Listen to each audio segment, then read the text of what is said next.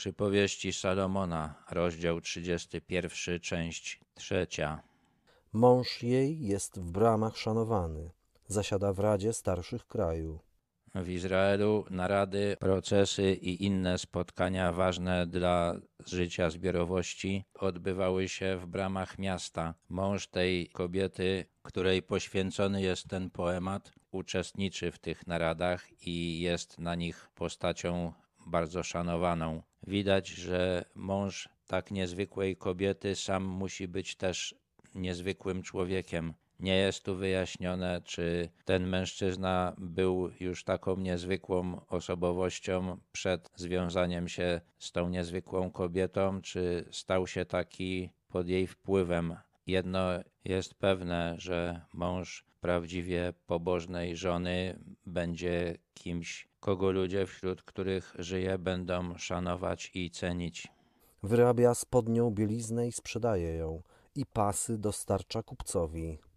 Ta kobieta jest tak biegła w krawiectwie i w kaletnictwie, że to, co wyrabia, sprzedaje kupcowi. Ten kupiec wie, że obcy ludzie chętnie to kupią, bo to jest dobre. Dziarskość i dostojność jest jej strojem. Z uśmiechem na twarzy patrzy w przyszłość.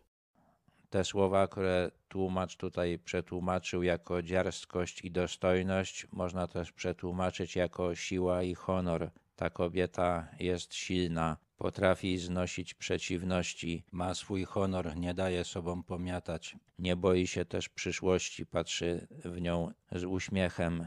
Często jest tak, że ludzie obawiają się przyszłości i narzekają na nią. Zwłaszcza kobiety są skłonne do tego, żeby się martwić tym, co się stanie, ale ta kobieta nie ma tej skłonności.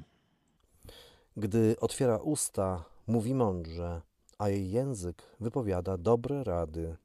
Mąż tej kobiety jest poważanym uczestnikiem ważnych narad. Na pewno jest poważany dlatego, że mądrze myśli i mądrze mówi. Jego żona ma te same cechy.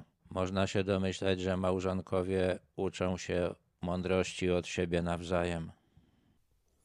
Czuwa nad biegiem spraw domowych. Nie jada chleba niezapracowanego. Tam, gdzie jest rodzina i dom, jest wiele spraw, które trzeba rozstrzygać, i nie są to łatwe decyzje.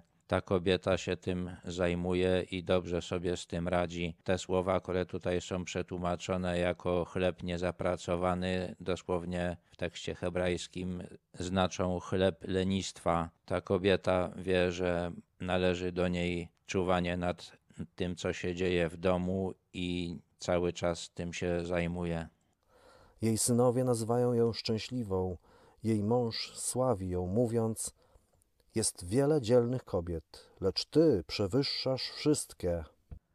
Ta kobieta zdobywa szacunek tych, którzy się z nią stykają. Jej synowie, można się domyślać, że już będąc dorosłymi ludźmi, szanują ją, nazywają ją błogosławioną, czyli szczęśliwą. Także jej mąż wie, że ma niezwykłą żonę i sławi ją, czyli wypowiada słowa, które ją opisują. Mówi jej, jaka jest, bo to, co o niej mówi, jest prawdą.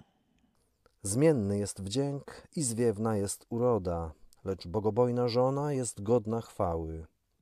To słowo w tekście hebrajskim na określenie wdzięku to dosłownie podstępny. Ludzie potrafią się zachowywać w sposób, który budzi sympatię, zwłaszcza kobiety mają tę umiejętność i po nie w czasie można się przekonać, że ktoś, do kogo czuliśmy sympatię, nie jest wart tej sympatii. To, że ktoś ładnie wygląda, również nie oznacza, że jest dobry. Na dłuższą metę liczy się to, co człowiek ma wewnątrz, jego duch, i nie inaczej jest w przypadku małżeństwa. Oddajcie jej, co się jej należy. Niech ją w bramach wysławiają jej czyny. Cały ten poemat zaczyna się od stwierdzenia, że trudno o cnotliwą, dobrą żonę i jej wartość jest większa niż wartość drogich kamieni i też w taki sposób się kończy. Taka kobieta jest warta, żeby ją wysławiać w bramach, czyli wysławiać ją w miejscach, gdzie odbywają się publiczne zgromadzenia, bo to, co robi, nie jest tak łatwo zauważyć jak dokonania jej męża, ale to nie znaczy, że jest mniej ważne.